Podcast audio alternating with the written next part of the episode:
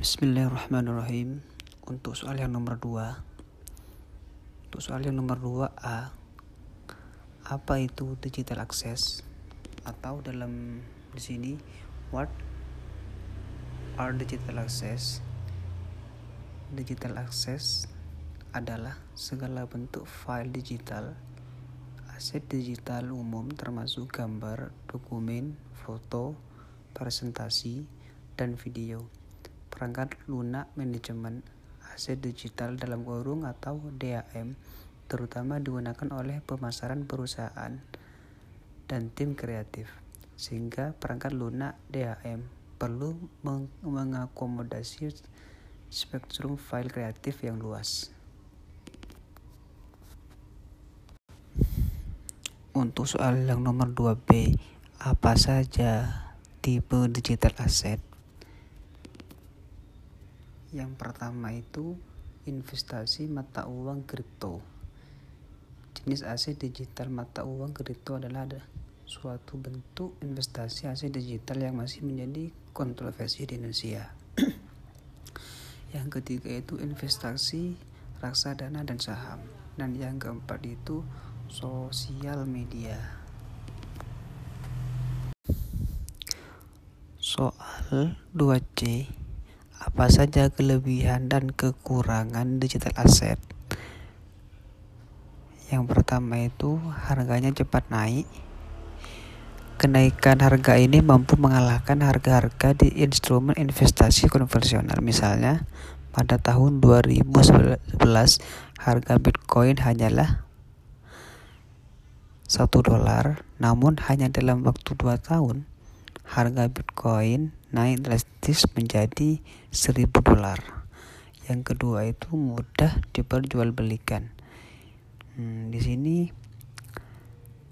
digital asset mudah diperjualbelikan kapan pun dan di mana pun selama memiliki jaringan internet tidak seperti saham yang mengikuti hari dan jam kerja aset digital bisa per, diperdagangkan selama 24 jam yang ketiga itu lebih transparan yang mana hal ini dikarenakan aset digital menggunakan sistem blockchain atau blockchain.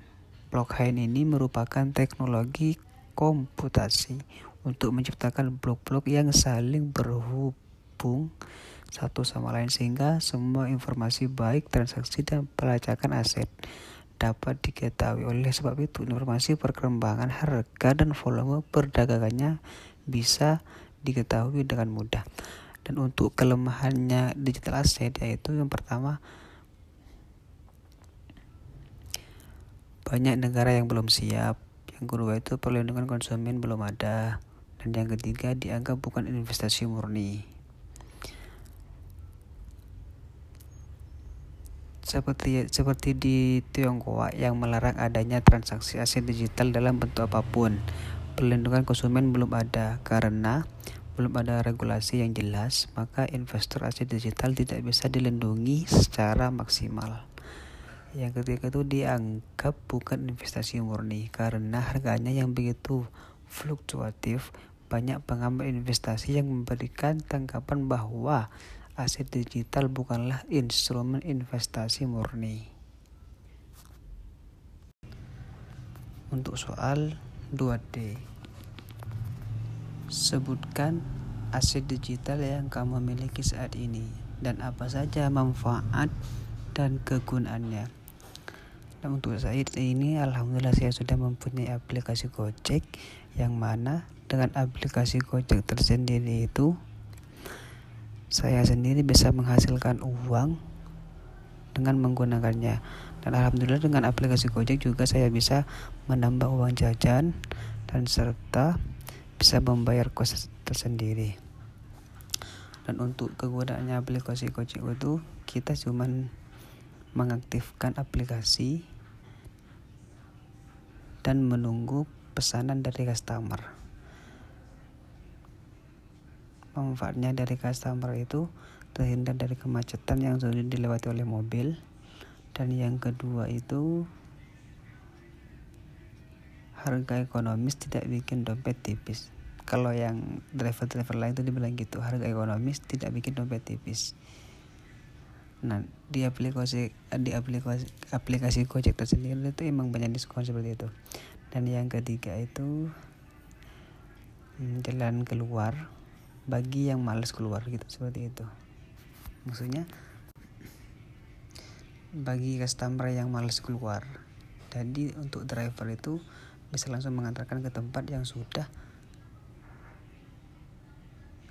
customer tentukan seperti itu. Soal 2E jelaskan dengan baik gambar dua di samping ini yang pertama itu